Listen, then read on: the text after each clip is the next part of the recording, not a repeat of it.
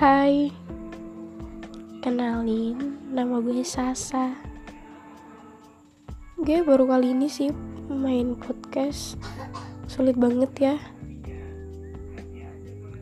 Karena emang suka bercerita, ya jadinya kayak gini. Hehe. Mungkin agak agak abstrak ya ya biasalah awal masih belajar. Semoga ceritanya nanti kelak bakalan ada manfaatnya. Karena semuanya emang ceritanya fakta. Jadi ya seperti itu.